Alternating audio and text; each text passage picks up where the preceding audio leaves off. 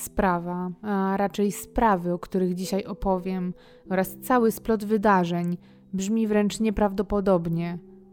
Są to jedne z bardziej tragicznych historii polskiej kryminalistyki i w dosadny sposób przypominają, że istnieją ludzie pozbawieni jakichkolwiek hamulców, którzy dla pieniędzy są w stanie zrobić wszystko. Dzisiaj opowiem historię dwóch młodych małżeństw z jednego miasta, których losy w pewien sposób się skrzyżowały i są do dzisiaj ze sobą łączone, mimo że ludzie ci nigdy się nie spotkali.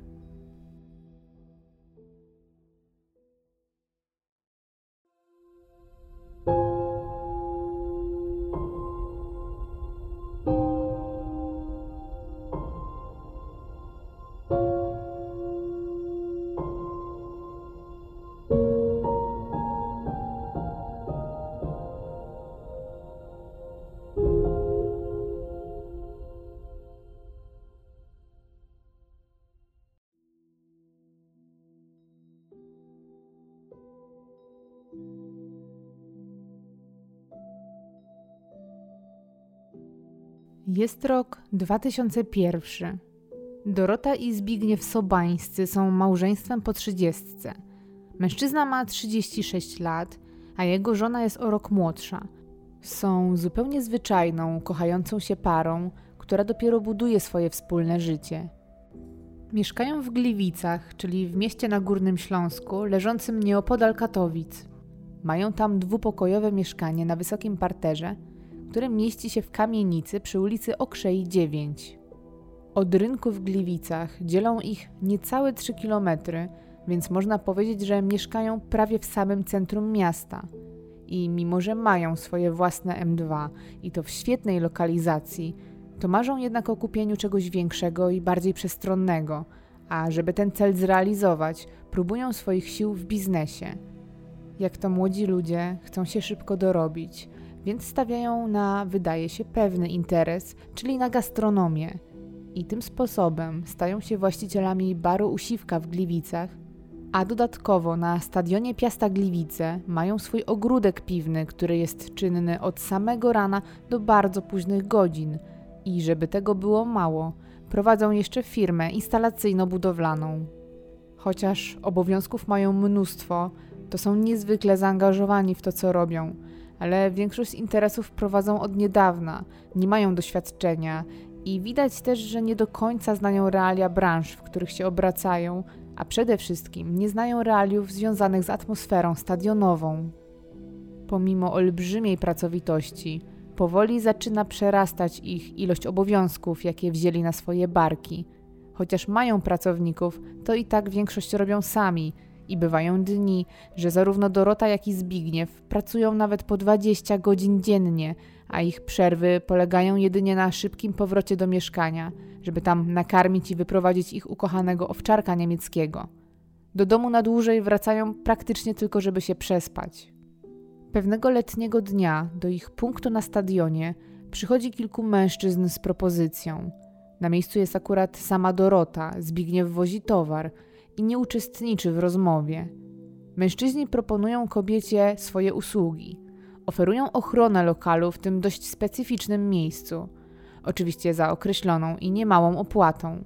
Dorota jednak grzecznie odmawia i argumentuje to tym, że nie potrzebują żadnej ochrony, nigdy nie działo się tu nic niepokojącego i oczywiście dziękuję za wszelką pomoc. Jednak już kilka dni później, kiedy małżeństwo z samego rana pojawia się w swoim barze, odkrywa, że jest on doszczętnie zniszczony. To rozbija ich na kawałki, są załamani i zaczynają wreszcie rozumieć, co właśnie się wydarzyło i czym tak naprawdę była propozycja ochrony, której Dorota zupełnie nie zrozumiała. Nie mieli pojęcia, że jakiś czas temu ktoś próbował wyłudzić od nich haracz. Od tego momentu życie tego młodego małżeństwa zaczyna się całkowicie komplikować, ponieważ wpadają w poważne problemy finansowe. Są zdeterminowani i chcą ratować swój interes, liczą też na szybki powrót do płynności finansowej. W pierwszej kolejności chcą odbudować więc zniszczony bar, jednak nie mają na to pieniędzy. Nie poddają się i pewni tego, że uda im się jeszcze wyjść na prostą, zapożyczają się u znajomych i innych właścicieli okolicznych lokali. Pożyczki, jakie biorą, nie wystarczają jednak na rosnące w zastraszającym tempie potrzeby i muszą sięgać przez to po kolejne. W pewnym momencie mówi się o kwotach ich długu rzędu 50, a nawet 90 tysięcy złotych. Para wpada w potężną spiralę zadłużenia. Każda kolejna pożyczka wcale nie stabilizuje ich sytuacji i zaczyna brakować im nawet na życie. Sięgają więc po ostateczne rozwiązanie – i pożyczają pieniądze z kolejnych źródeł, tym razem od lokalnych biznesmenów, którzy są znani z nie do końca legalnych interesów. Wszyscy dookoła zaczynają powoli szeptać o ich sytuacji. Staje się ona dość oczywista, bo sąsiedzi coraz częściej widują, jak małżeństwo jest nachodzone w swoim mieszkaniu przez przeróżnych ludzi, którzy przychodzą przypomnieć o spłatach. Dorota i Zbigniew są już na granicy. Zaczynają myśleć nawet o sprzedaży swojego mieszkania, żeby pospłacać wszystkie długi. Pojawiają się nawet zainteresowani zakupem, a para wciąż liczy, że jeszcze wyjdzie na prostą i że wszystko będzie dobrze. Jest czwartek, 13 września 2001 roku. Dzień Sobańskich wygląda jak każdy inny. Wstają z samego rana i ciężko pracują, doglądając swoich lokali. Dowożą towar, obsługują klientów i jeszcze o 21 są widziani w swoim ogródku piwnym na stadionie. Nadchodzi późny wieczór i po kolejnym wyczerpującym dniu małżeństwo wsiada do swojego niedawno zakupionego na kredyt samochodu i wracają zmęczeni do mieszkania przy Okrzei, żeby tam się przespać i odpocząć. Jutro przecież piątek, więc zapowiada się praca do bardzo późnych godzin. Trzy dni później, 16 września w niedzielę, funkcjonariusze z pierwszego komisariatu policji w Gliwicach odnajdują zaparkowany przy ulicy Żabińskiego samochód. Jest to granatowy Opel Omega.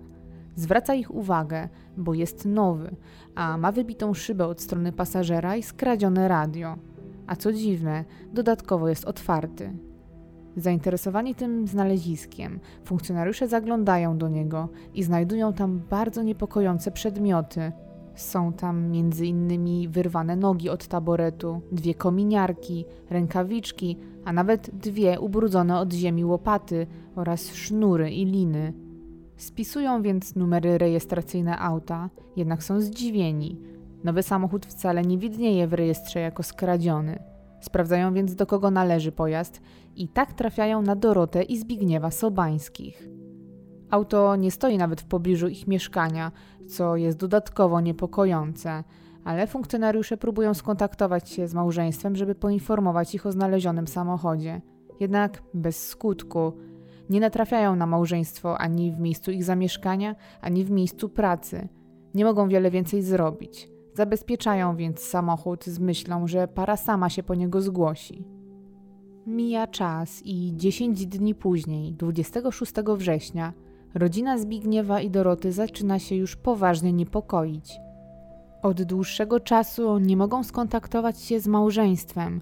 Od wielu dni nikt nie odbiera telefonu stacjonarnego w mieszkaniu pary. Milczą też ich telefony komórkowe, co jest nietypowe dla tej dwójki.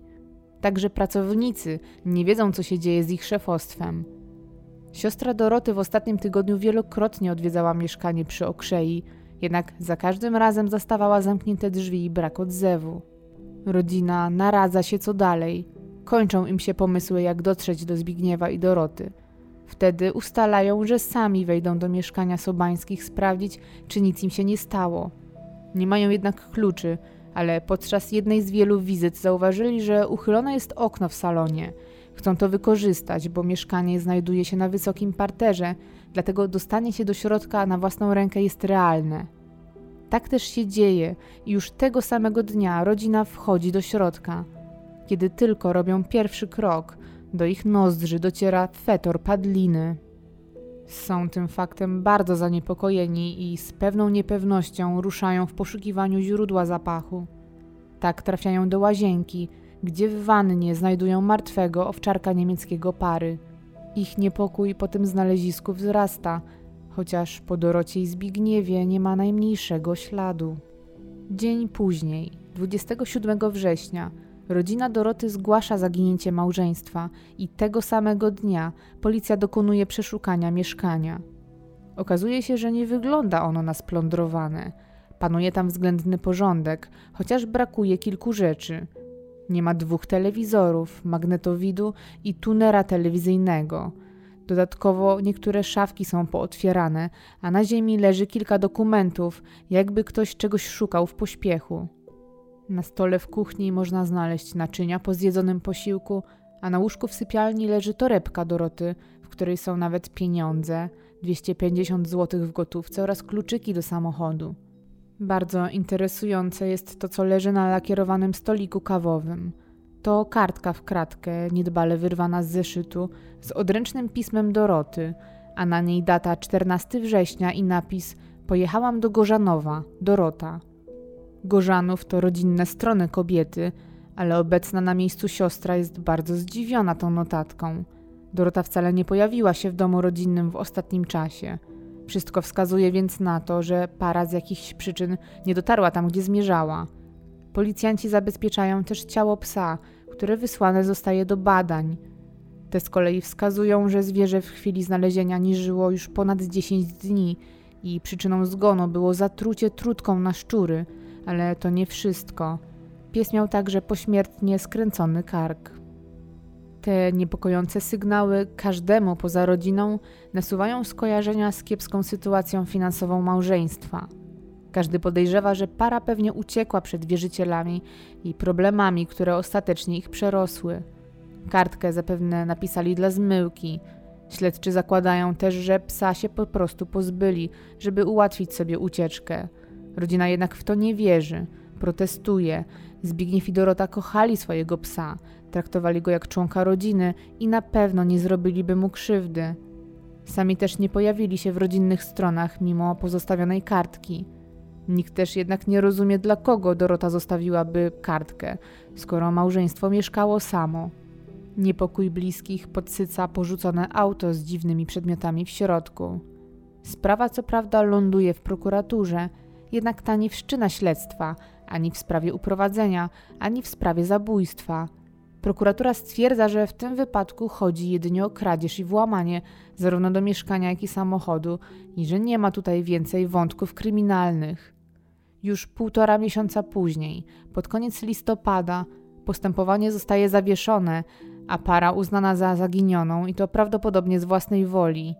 Samochód Doroty i Zbigniewa zwrócony zostaje bankowi spółdzielczemu, w którym małżeństwo miało zaciągnięty na niego kredyt i nikogo z prokuratury nie zastanawia, że pomimo zostawionej kartki pary nie było w rodzinnych stronach.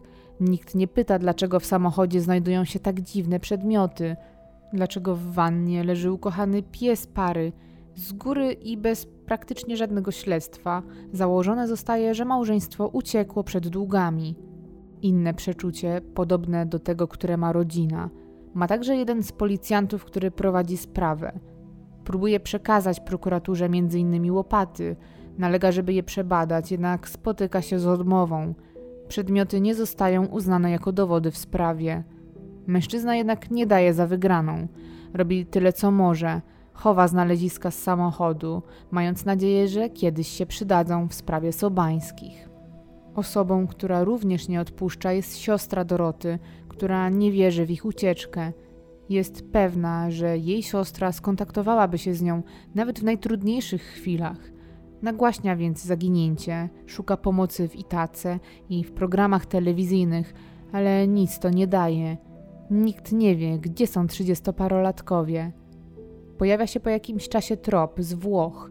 Ktoś podobno widział tam kobietę, która była podobna do Doroty, i tak też zwracał się do niej mężczyzna, z którym była widziana, ale znowu to tylko pogłoski i na tym się kończy.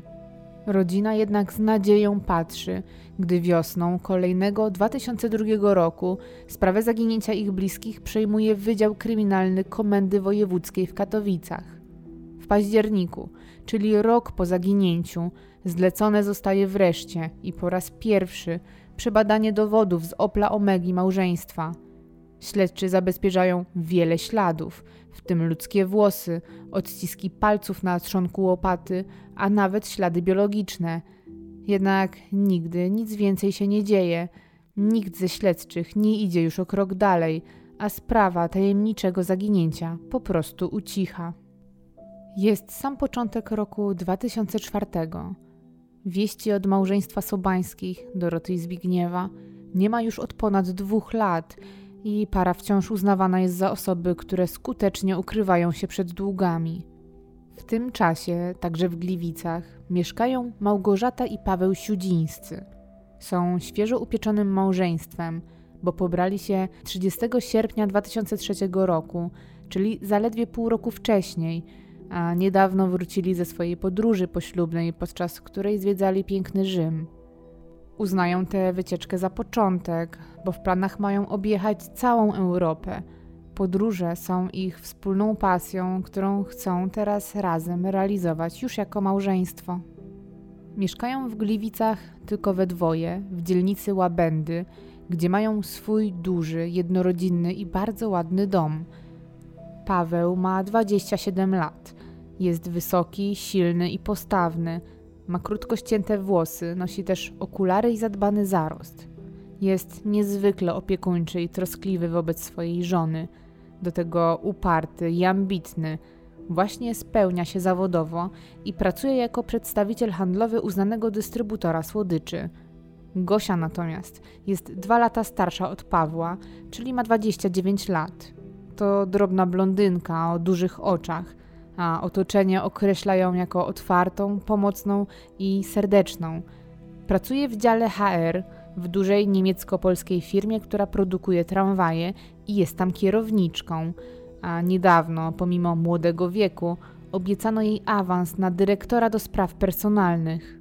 Gosia jest tym niezwykle podekscytowana, bo powoli pnie się po szczeblach kariery tak, jak sobie to wymarzyła.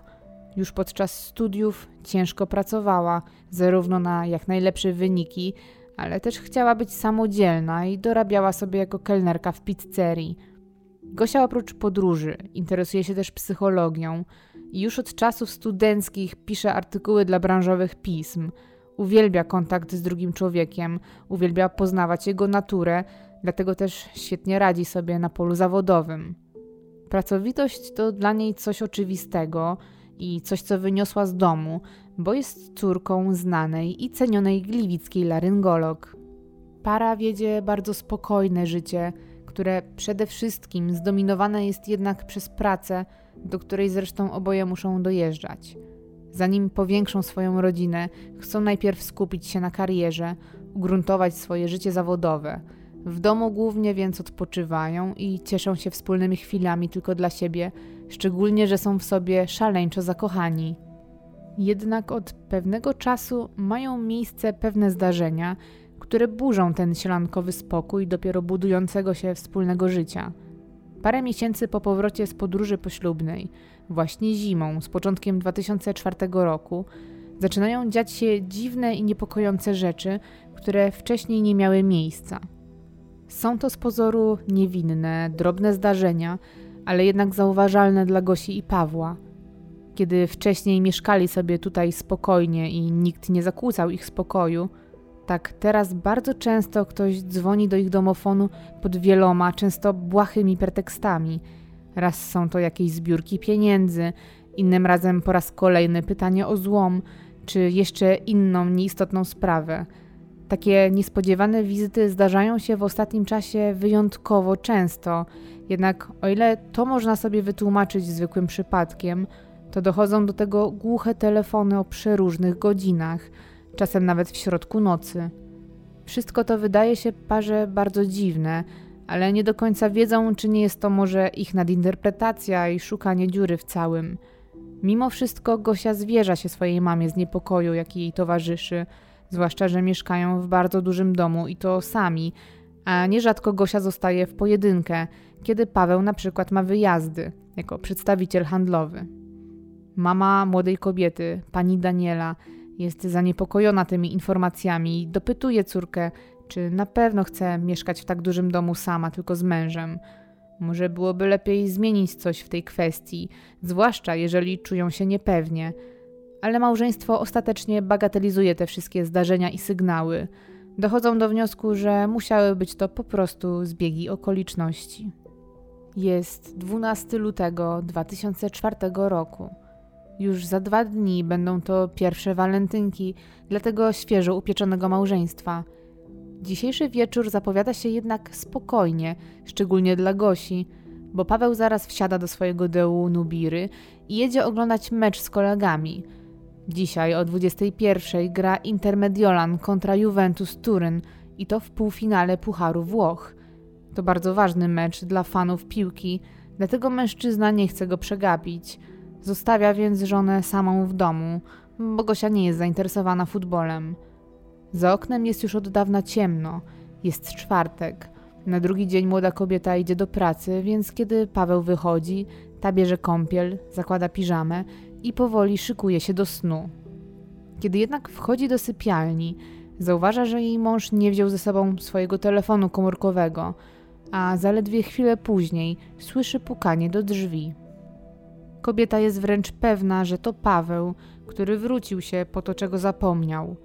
Wsuwa na nogi wygodne kapcie, bierze do ręki telefon męża i schodzi na dół do drzwi wejściowych. Następnie bez żadnego zawahania otwiera je i zanim jednak zdąży cokolwiek powiedzieć, zostaje powalona na ziemię. Zaczyna się szarpać, ale napastnicy są dużo silniejsi. W tym całym zamieszaniu orientuje się, że właśnie do jej domu wtargnęło trzech mężczyzn w kominiarkach. Nie wie, że to mieszkający w pobliżu bardzo młodzi mężczyźni Roman i dwaj bracia, Tobiasz i Sergiusz. Jeden z mężczyzn trzyma Gosię, drugi związuje ją, po czym zanoszą ją do sypialni. Gosia jest przerażona. Krzyczy do napastników, że zaraz wróci tu jej mąż, licząc, że ich tym spłoszy, ale nic takiego się nie dzieje. Mężczyźni doskonale wiedzą, że męża nie ma i że Gosia nie mieszka tutaj sama. Ich skok był zaplanowany i poprzedzony obserwacją. Kiedy kobieta leży unieruchomiona w pokoju, mężczyźni plądrują dom, zupełnie się nią nie przejmując. W takim stanie czas okrutnie się dłuży, ale w pewnym momencie przerażona Gosia słyszy za oknem znajomy dźwięk. To silnik samochodu. Paweł wrócił właśnie do domu i zaparkował na podjeździe. Małżonek nie ma pojęcia, że w środku są intruzi i skrępowana jego własna żona. Nie tylko Gosia zorientowała się, że ktoś podjechał pod dom. Napastnicy także obserwują sytuację i szybko planują, co dalej. Są o krok do przodu i chcą zaskoczyć Pawła. W tym celu, gdy gospodarz jest już prawie przy wejściu, rozpylają w środku gaz łzawiący. Kiedy więc nieświadomy Paweł otwiera drzwi, uderza go chmura rozpylonej w powietrzu substancji. Mężczyzna zaczyna kaszleć, a łzy nie pozwalają mu nic zobaczyć. To przebiegłe działanie napastników wręcz go obezwładnia. Jest całkowicie zaskoczony, a dla agresorów jest to już prosta robota. Powalają silnego, ale i zdezorientowanego Pawła na ziemię i także związują, po czym przenoszą do sypialni, gdzie czeka na niego przerażona Gosia. Teraz napastnicy mają czas. Wiedzą, że już nigdy więcej się tutaj dzisiaj nie pojawi. Te głuche telefony i wizyty były ich robotą. Wytypowali dom małżeństwa już jakiś czas wcześniej. Zorientowali się, że para mieszka tutaj całkowicie sama. Ocenili, że są majętni, bo mają plastikowe nowe okna, alarm i posiadają dwa samochody Nubire i Punto. Fakt, że mieszkają tu tylko we dwoje, przesądził o tym, że właśnie oni zostaną napadnięci. Sprawcy uznali ich za łatwy cel, a dom za pełen cennych łupów. Roman, Tobiasz i Sergiusz, niczym się nie przejmując, przeszukują w dalszym ciągu dom w poszukiwaniu fantów. Wypytują też Pawła i Gosię, gdzie znajdą cenne przedmioty, po czym układają je niedaleko drzwi wejściowych, żeby potem szybko przenieść je do samochodu. Zabierają 700 zł w gotówce, butelkę whisky, różne sprzęty elektroniczne jak DVD, magnetofon, aparat czy nawet komputer starej generacji. Plądrują też kuchnię, zabierając czajnik elektryczny czy mikrofalówkę. Kiedy kończą, wszystko pakują do jednego z samochodów pary. Następnie agresorzy wracają do sypialni, gdzie leży wciąż związane i przerożone małżeństwo.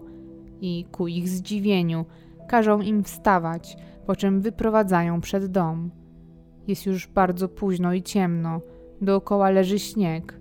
Gosia wciąż jest w piżamie i jedynie cienkiej kurtce. Nikogo to nie obchodzi. Napastnicy nakazują parze wejść do drugiego, także ich samochodu. Usadzają młodych ludzi na tylnej kanapie, a następnie zawiązują zarówno Gosi, jak i Pawłowi opaski na oczach, po czym ruszają. Najpierw jedzie zielone punto ze skrępowanym małżeństwem na tylnym siedzeniu i dwoma napastnikami z przodu. W nubirze wypełnionej łupami jedzie trzeci włamywacz. Wszyscy pod osłoną tej zimowej nocy jadą do byłego hotelu pracowniczego w Łabędach, który potocznie nazywany jest przez okolicznych Manhattanem. Tutaj sprawcy w swoją kradzież angażują kolejnych dwóch mężczyzn, którzy mają pomóc im w upłynnieniu fantów oraz w tym, żeby wywieźć gdzieś daleko małżeństwo, żeby mieli czas na sprzedaż tego, co ukradli, zanim poszkodowani powiadomią policję. Roman, Tobiasz i reszta obmyślają więc plan co dalej. Postanawiają, że pojadą gdzieś w nieznane i odludne miejsce, gdzie porzucą Gosię i Pawła i tym samym kupią sobie czas. Potem, gdy już pozbędą się młodych właścicieli okradzionego domu, Zadzwonią do ich rodzin, żeby odebrali małżeństwo z określonego punktu.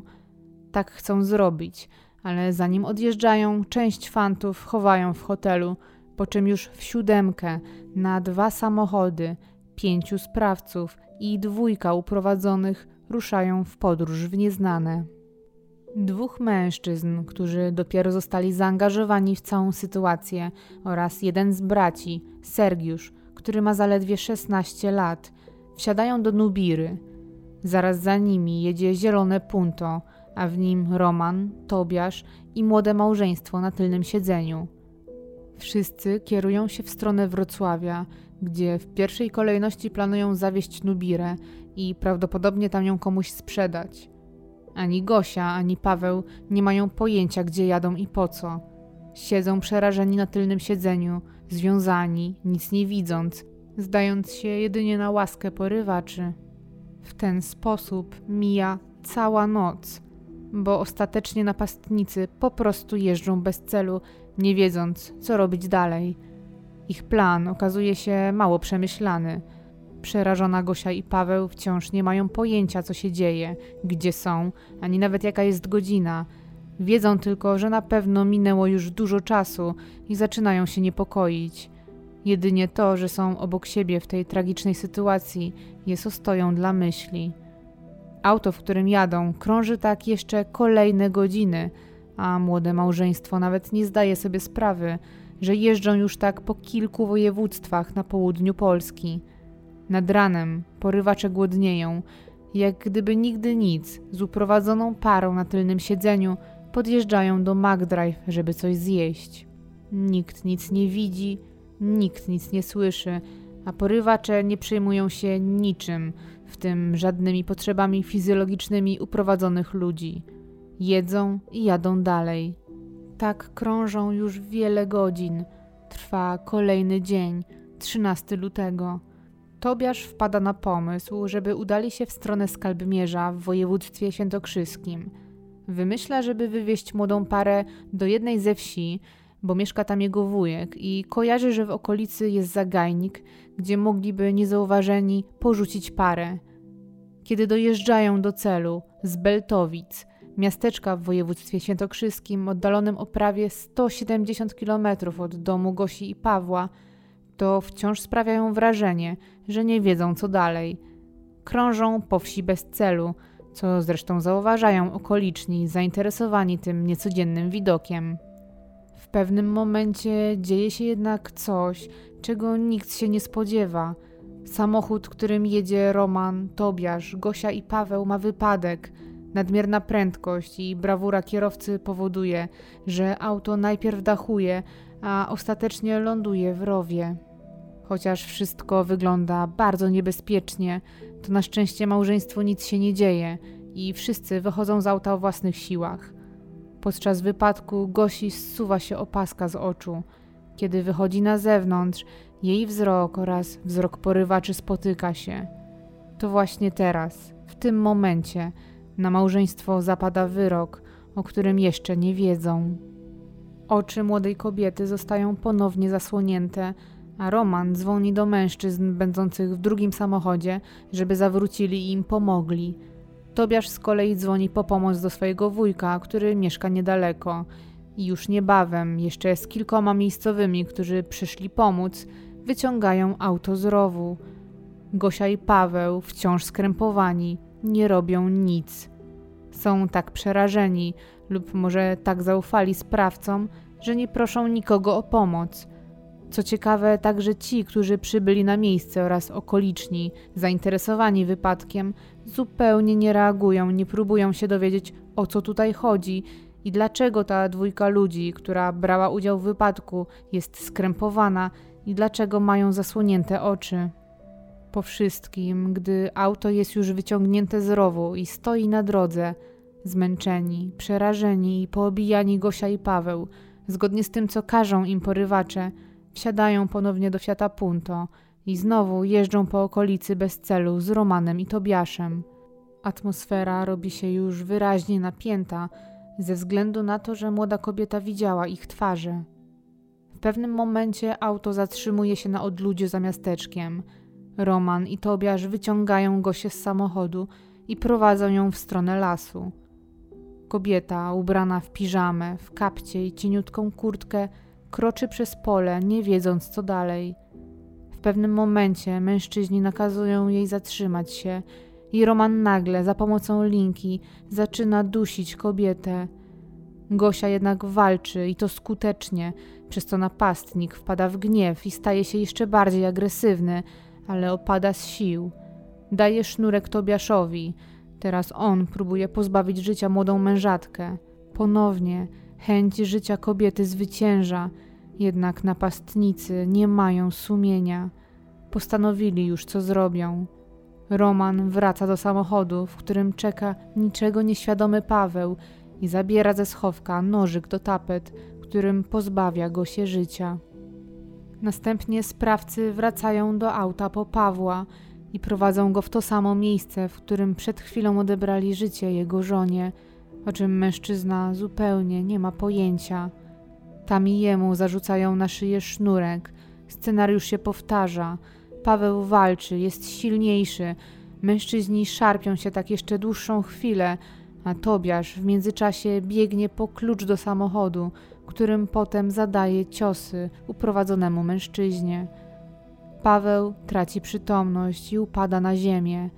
Sprawcy zabierają go półżywego i ciało kobiety, po czym wrzucają ich razem do bagażnika. Odpalają samochód i kierują się w stronę Gliwic.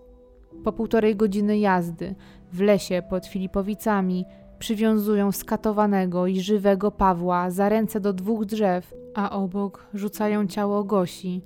Następnie odjeżdżają.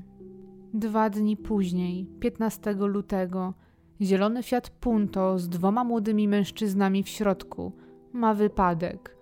Tym razem jednak na miejscu pojawia się policja i szybko ujawnia, że auto, które brało udział w kolizji, należy do pary, której zaginięcie zostało zgłoszone.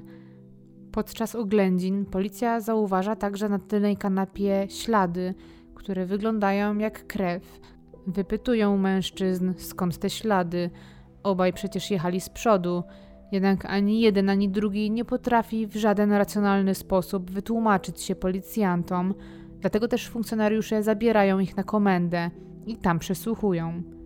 Mężczyźni bardzo szybko przyznają się do zabójstwa i wskazują miejsce, w którym porzucili ciało Gosi i żywego jeszcze Pawła.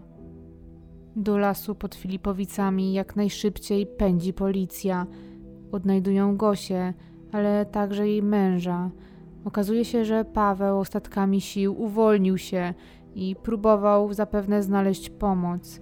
Niestety kilkaset metrów dalej od miejsca, w którym został przywiązany, upadł i w wyniku poniesionych obrażeń, utraty krwi oraz wyziębienia niestety zmarł. Gliwiccy policjanci są w szoku. Właśnie dotarło do nich, że mają styczność z podwójnym morderstwem, a z tak okrutnym przestępstwem nie spotkali się jeszcze nigdy w całej swojej karierze. Są tym bardziej w szoku, bo wszyscy, zarówno ofiary, jak i sprawcy, są niezwykle młodzi. Prowodyrem oraz pomysłodawcą całego napadu oraz tym najbardziej brutalnym i którego wręcz bała się reszta, jest Roman. Ma zaledwie 26 lat i nie okazuje ani grama skruchy. Tobiasz, drugi ze sprawców, ma 20 lat. Oboje, co ciekawe, pochodzą z dobrych domów, chociaż sąsiedzi nazywali ich diabłami, a to ze względu na to, że fascynowali się kulturą punkową. Mężczyźni znani są w okolicy ze specyficznego ubioru, tego, że noszą ciężkie, wiązane buty, czy że farbują włosy na przykład na czerwono i stawiają je do góry. Od nastoletnich lat jeżdżą na duże muzyczne festiwale, ale nie dla muzyki, tylko żeby tam pić, brać narkotyki i żeby bić się ze skinami. W Gliwicach spędzali większość swojego wolnego czasu w niezbyt przyjemnym miejscu, w byłym hotelu robotniczym, który pełni teraz funkcję miejsca dla tych, którzy zostali eksmitowani ze swoich mieszkań za niepłacenie czynszu. Obaj mieli też już kuratora i kilka drobniejszych przestępstw na koncie. Tobiasz co prawda jeszcze niedawno dobrze się uczył. Niestety, kiedy zaczął przyjaźnić się z Romanem, wszystko poszło w złą stronę. Jest luty 2005 roku, rok po okrutnym morderstwie Gosi i Pawła. To dzisiaj ma odbyć się rozprawa, a na ławie oskarżonych zasiądą Roman i Tobiasz oraz reszta odpowiedzialnych za uprowadzenie. Mimo, że proces ma zacząć się o dziesiątej, to już przed dziewiątą, przed gmachem sądu w Gliwicach, zbierają się bliscy i znajomi młodego małżeństwa. Trzymają w rękach zdjęcie ślubne pary, przewiązane czarną wstążką. Mają ze sobą też transparenty z takimi napisami jak Dożywocie dla morderców czy Gosiu, Pawle, będziemy pamiętać. Przyszli tu, żeby być dla siebie wsparciem w tych trudnych chwilach i żądają najsurowszego wyroku dla tych, którzy brutalnie odebrali im ukochane osoby. Sąd okręgowy w Gliwicach staje na wysokości zadania i wymierza zarówno Romanowi, jak i Tobiaszowi karę dożywotniego pozbawienia wolności. Czterej pozostali, w tym brat Tobiasza, Sergiusz, mający w chwili popełnienia przestępstwa zaledwie 16 lat, otrzymują wyroki od 9 do 1,5 roku pozbawienia wolności. Część z nich oskarżona jest o udział w napadzie i porwaniu, a jeden jedynie o paserstwo. Rok później sąd apelacyjny w Katowicach utrzymuje w mocy wyrok dla obu zabójców małżeństwa. Sąd uznaje także, że w przypadku tych mężczyzn nie ma mowy o resocjalizacji i jedynym na co zasłużyli to izolacja od społeczeństwa aż do ich śmierci. Nadchodzi rok 2007. To już sześć lat po zaginięciu Sobańskich i trzy lata po morderstwie Gosi i Pawła. Roman i Tobiasz, zgodnie z wyrokiem sądu, są odseparowani od społeczeństwa już kilka lat. W tym samym roku program 997 Michał Fajbusiewicz na tropie przypomina historię rodziny Sobańskich z Gliwic, czyli wciąż zaginionego małżeństwa z długami. Pokazana jest tam inscenizacja charakterystyczna dla tego programu, ale też prowadzący pojawia się z kamerą w miejscach, które są związane z małżeństwem, między innymi w mieszkaniu przy ulicy Okrzei. Podaje też konkretne daty i adresy, a także nakreśla ostatnie godziny, kiedy Dorota i Zbigniew byli widziani. Dokładnie ten program i ten odcinek na więziennej stołówce ogląda też Tobiasz. Nagle się ożywia i wyraźnie zainteresowany wpatruje w szklany ekran telewizora, a chwilę później, kiedy program się kończy, ten tatuuje sobie na przegubie lewej ręki datę, jaką podał prowadzący w programie – i jest to 13 września 2001 roku. Mijają długie lata, a funkcjonariusze ponownie przyglądają się sprawie zaginięcia małżeństwa z Gliwic. Ich los wciąż jest nieznany, a od 2009 roku są poszukiwani listem gończym za swoje długi. W ostatnim czasie nastąpił znaczny skok technologiczny, dając policji nowe narzędzia, które są pomocne w rozwiązywaniu zagadek kryminalnych. Śledczy postanawiają wykorzystać te nowe technologie, także w tej, wydawało się, martwej sprawie. Przekazują do nowych badań zebrane przed laty dowody ze znalezionego samochodu Doroty i Zbigniewa. Mają nadzieję, że trafią tak dzięki nim na trop, który pomoże odnaleźć małżeństwo. Jak się szybko okazuje, jest to strzał w dziesiątkę, ponieważ udaje im się wyodrębnić materiał genetyczny z włosów, jakie znaleziono w jednej z kominiarek. Biegli porównują wyniki z materiałem genetycznym, który został pobrany z rzeczy osobistych małżeństwa sobańskich i stwierdzają jednoznacznie, że ten znaleziony w kominiarce z całą pewnością nie należy do zaginionej pary. W kolejnym więc kroku przeszukują genetyczną bazę danych i udaje się, odnajdują tam informacje, do kogo należy włos samochodu. Trop prowadzi ich do Bogdana, byłego pracownika sobańskich i jednocześnie dobrze znanego policji włamywacza i złomiarza. 18 grudnia 2014 roku, czyli 13 lat po zaginięciu Doroty i Zbigniewa, funkcjonariusze postanawiają zatrzymać mężczyznę, żeby dowiedzieć się, co ma do powiedzenia w sprawie zaginięcia tej dwójki. Bogdan początkowo wypiera się. Twierdzi, że o niczym nie wie i nie jest w stanie pomóc. Nie wie jednak tego, że policjanci odnaleźli jego włosy w Oplu Omedze oraz inne ślady prowadzące właśnie do niego i to na podejrzanych przedmiotach. Kiedy Bogdan zostaje skonfrontowany z tymi informacjami i dowiaduje się, że policjanci mają na niego całkiem sporo, bardzo szybko zaczyna mówić. Wyznaje, że lata temu on i jeszcze trzech innych mężczyzn dostali zlecenie od pewnego obywatela Łotwy o pseudonimie Rusek.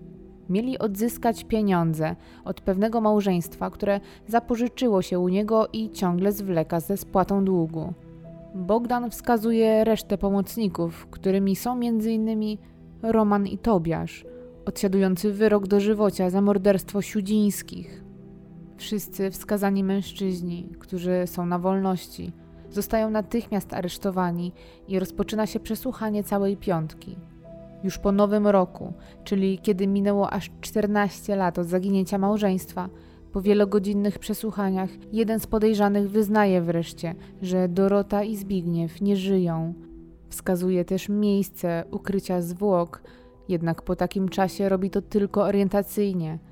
Prokuratura i śledczy mają więc niezwykle trudne zadanie do wykonania, bo po otrzymanych jedynie wskazówkach muszą odnaleźć ciała, a do przeszukania mają spory obszar. Zgodnie z tym, co opisał zatrzymany, na terenie lasu w Rzeżycach, czyli wsi nieopodal Gliwic, specjaliści dokonują aż 130 odwiertów i to na terenie 10 tysięcy metrów kwadratowych. Jednak bez skutku. Nie znajdują niczego, co mogłoby mieć związek z zaginięciem Sobańskich. Śledczy jednak nie odpuszczają i w akcji biorą udział specjaliści z georadarami, jednak i to nie pozwala na odnalezienie zwłok. Jako, że minęło wiele lat, funkcjonariusze postanawiają porównać stare mapy z aktualnymi i kiedy nanoszą komputerowo jedne na drugie, to okazuje się, że przez lata zmienił się układ dróg. Dlatego właśnie, pomimo wskazówek, które rzeczywiście były prawidłowe, to jednak okazuje się, że szukano w złym miejscu. Tutejszy krajobraz znacznie zmienił się przez ostatnie lata i dopiero po tej aktualizacji zebranych informacji oraz po laserowych pomiarach ukształtowania terenu wznowione zostają poszukiwania, do których dodatkowo zaangażowane zostają psy tropiące. To wszystko jednak przynosi wyczekiwany przez wszystkich przełom. Udaje się i po wielu miesiącach prac za Gliwicami koło jeziora Dzierżno odkopane zostają dwa ludzkie szkielety. Trzeba przyznać, że są doskonale ukryte w ponadmetrowym dole w wyrobisku piaskowym, a przysypane gruzem, śmieciami i betonowymi odpadami. Były praktycznie nie do znalezienia. Pierwsze, co rzuca się w oczy, to fakt, że szkielety są wciąż zakneblowane. Okolice ust kobiecego szkieletu były zaklejone grubymi warstwami taśmy, spod których wystawała rękawiczka. Męski szkielet z kolei ma liczne złamania, w tym nosa, szczęki i czoła. Nie ma cienia wątpliwości, że para została pozbawiona życia przez osoby trzecie. Późniejsze badania genetyczne potwierdzają, to zaginieni przed laty Dorota i Zbigniew Sobańscy. Co stało się więc z małżeństwem w 2001 roku? Cofamy się do 13 września, dnia, w którym para była widziana po raz ostatni. Dorota i Zbigniew wracają wieczorem do mieszkania – bo cały dzień spędzili w swoim ogródku piwnym na stadionie w Gliwicach, gdzie ciężko pracowali. Są zmęczeni, chcą odpocząć, jednak około północy do klatki w ich kamienicy wchodzi czterech mężczyzn w kominiarkach. Najpierw wykręcają korki, żeby na korytarzu było ciemno, a następnie pukają do drzwi małżeństwa. Otwiera Dorota i wtedy od razu zostaje wepchnięta do środka przez nieznanych mężczyzn, którzy w rękach trzymają drewniane nogi z taboretu. To Roman, Tobiasz i jeszcze dwóch napastników. Dorota zaczyna krzyczeć, ale zostaje uderzona, a sprawcy nakazują jej być cicho. Zaniepokojony dźwiękami z za rogu wychodzi jej mąż Zbigniew, ale także zostaje zaatakowany i powalony na ziemię. Małżeństwo zostaje skrępowane sznurkiem i zasłonięte zostają im oczy. Na miejscu jest też pies pary, owczarek niemiecki, ale nie jest agresywny, wręcz sprawia wrażenie, jakby się chciał bawić, ale sprawcy nie mają litości. Podają mu zatrutą kiełbasę, a potem dobijają go i wrzucają do wanny. Kiedy nie ma już psa, a małżeństwo jest unieruchomione, biorą kilka cennych rzeczy leżących na wierzchu, jedzą, korzystając z lodówki przerażonego małżeństwa, a potem nakazują Dorocie, żeby napisała kartkę zmyłkę o swoim rzekomym wyjeździe w rodzinne strony. Następnie wyprowadzają młodych ludzi na ulicę, po czym wrzucają do bagażnika ich bordowego Opla Omegi i ruszają. Najpierw jeżdżą bez celu, żeby para nie wiedziała, gdzie jedzie. Chcą, żeby wydawało im się, że wywożą ich gdzieś daleko, a w rzeczywistości nawet nie wyjechali z miasta. Sprawcy mają od dawna wybrane miejsce, gdzie będą przetrzymywać Dorotę i Zbigniewa. To studzienka kanalizacyjna blisko kanału na Łabędach w Gliwicach. Para zostaje tam wrzucona na kilka następnych dni, a porywacze tylko na zmianę ich pilnują. Tobiasz dostarcza kanapki i herbatę z narkotykami, które mają sprawić, żeby małżeństwo było otumanione i nie podejmowało prób ucieczki. I rzeczywiście ta metoda przynosi skutek. Zbigniew i Dorota nie do końca wiedzą, co się dzieje i nie walczą o wolność. Przetrzymywani są tak blisko trzy dni i dopiero 16 września jeden z porywaczy przywozi małżeństwo do lasu nad jeziorem. Na miejscu czeka już Roman oraz Rusek, zleceniodawca. Razem z kierowcą, w trójkę, dokonują egzekucji, najpierw na Zbigniewie, a potem na Dorocie. Okazuje się więc, że Roman, odsiadujący już wyrok dożywocia za Gosię i Pawła, ma na swoim sumieniu nie dwa, a cztery morderstwa, nie jednego, a dwóch małżeństw.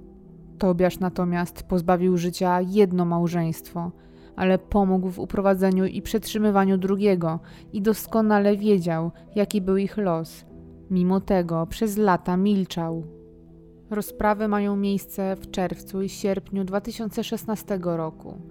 Wladimiris, biznesmen o pseudonimie Rusek, nie przyznaje się do winy. Twierdzi, że nawet nie znał Sobańskich ani któregokolwiek z mężczyzn, którzy zasiadają na ławie oskarżonych. Mężczyzna próbuje udowodnić, że w czasie morderstwa nie było go nawet w kraju, czemu jednak przeczy obszerna dokumentacja załączona do akt. Roman również nie przyznaje się do morderstwa Sobańskich i także twierdzi, że ich nie znał i że nie ma żadnego interesu, żeby teraz kłamać, bo przecież ma już na swoim koncie wyrok dożywocia, który właśnie odsiaduje. Kierowca natomiast zasłania się tym, że był pod wpływem narkotyków i niewiele pamięta z tamtego dnia. Twierdzi nawet, że nie potrafi określić, czy wymierzał jakieś ciosy, czy nie. Tobiasz podczas procesu przyznaje się do uprowadzenia małżeństwa – Wskazuje także na udział wszystkich zatrzymanych kolegów. I mało tego. Dodaje, że w 2001 roku byli wręcz zdziwieni, że nikt nie powiązał ich z uprowadzeniem Sobańskich, mimo że zostawili za sobą tak wiele śladów. Było to ich pierwsze zlecenie i nie mieli doświadczenia.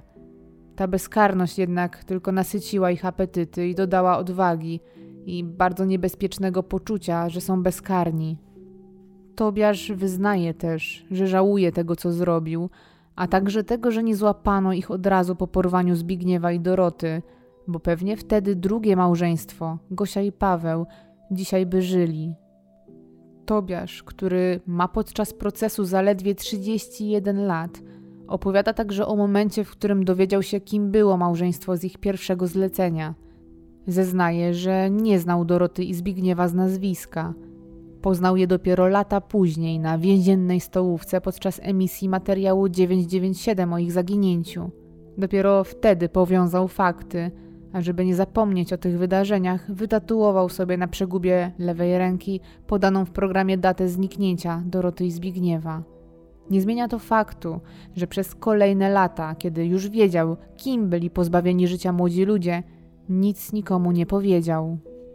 Ostatecznie Rusek, Roman oraz kierowca otrzymują karę dożywotniego pozbawienia wolności za odebranie życia małżeństwu Sobańskich. Tobiasz oraz Bogdan, którego włosy znaleziono w kominiarce, zostali skazani na 3 lata i 6 miesięcy pozbawienia wolności za uprowadzenie. Śledztwo wykazało, że nie było ich na miejscu zabójstwa. W tych dwóch sprawach, pomimo odnalezienia i ukarania winnych, wciąż nasuwa się wiele pytań i wątpliwości, szczególnie w związku z tym, dlaczego nikt nie założył, że w sprawę zaginięcia Zbigniewa i Doroty może być zamieszany ktoś trzeci. Przedmioty znalezione w ich aucie były oczywistą poszlaką wskazującą na to, że małżeństwu mogła wydarzyć się krzywda. Nasuwa się więc pytanie, czy gdyby przeprowadzono wtedy śledztwo staranniej, bez zakładania wygodnych rozwiązań, to czy Gosie i Pawła udałoby się uratować, bo sprawcy byliby przecież za kratkami. To pytanie nie przestaje dręczyć, szczególnie dlatego, że Bogdan już dwa lata po morderstwie małżeństwa Sobańskich, a jeszcze przed uprowadzeniem Gosi i Pawła, chwalił się w więzieniu, że wie, co stało się z zadłużonym małżeństwem, u którego sam pracował. Mówił otwarcie, kto stoi za ich zniknięciem i jaki spotkał ich los. Mało tego, takie informacje dotarły nawet do dyrektora placówki, ten z kolei zachował się profesjonalnie i poinformował o krążących po jego więzieniu pogłoskach komendę w Katowicach, ale nikt nie zareagował i nie sprawdził, czy te plotki mają swoje odbicie w rzeczywistości. Historia tych dwóch małżeństw jest tragiczna, dramatyczna i przeraża myśl, że w zasadzie mogłaby spotkać każdego z nas. Gosia i Paweł oraz Dorota i Zbigniew byli młodymi, kochającymi się ludźmi, szukającymi swojej życiowej ścieżki, na której niestety spotkali okrutnych i bezwzględnych ludzi. I chociaż sprawców dosięgła sprawiedliwość i już nigdy nie wyjdą na wolność, to nikt nie zwróci życia tej czwórce i nikt nie ukoi bólu rodziców i bliskich, którzy musieli sprostać temu, co spotkało ich dzieci. Nagrywając ten odcinek, wielokrotnie załamał mi się głos – Pominęłam też niektóre szczegóły i bez których cała ta historia jest jedną z bardziej dramatycznych, o jakich dotychczas opowiadałam. I chociaż sprawa jest zamknięta, to powinniśmy pamiętać o tych młodych ludziach, a sprawcom nigdy nie zapomnieć tego, co zrobili. Bolesne jest też to, że w przypadku Gosi i Pawła arogancja Romana i Tobiasza mogła uratować małżeństwo – byli przecież liczni świadkowie, którzy widzieli skrępowaną i przerażoną parę. Nikt nie zareagował. W przypadku Doroty i Zbigniewa wszystko krzyczało, że nie jest to zwykła ucieczka. Ponownie, jak w wielu już historiach, to statystyki okazały się ważniejsze od prawdy. Gosiu, Pawle, Doroto i Zbigniewie. Pamiętamy. Serdeczne podziękowania dla mojej patronki Aliny oraz dla reszty moich patronów. Możesz wesprzeć mój kanał i moją twórczość na patronite.pl ukośnik Olga Herring, a także odwiedzając moje media społecznościowe. Wszystkie linki znajdziesz w opisie filmu.